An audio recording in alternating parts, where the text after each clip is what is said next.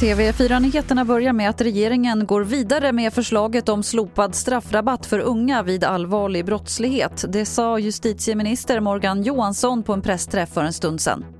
Brott som mord och rån och grov misshandel, våldtäkt, grov utpressning, grovt narkotikabrott, grovt vapenbrott eh, omfattas. Så en 18-åring som begår ett rån exempelvis fram, i framtiden kommer att få dubbelt så högt straff än vad han fick innan den här lagändringen. Det blir den praktiska effekten.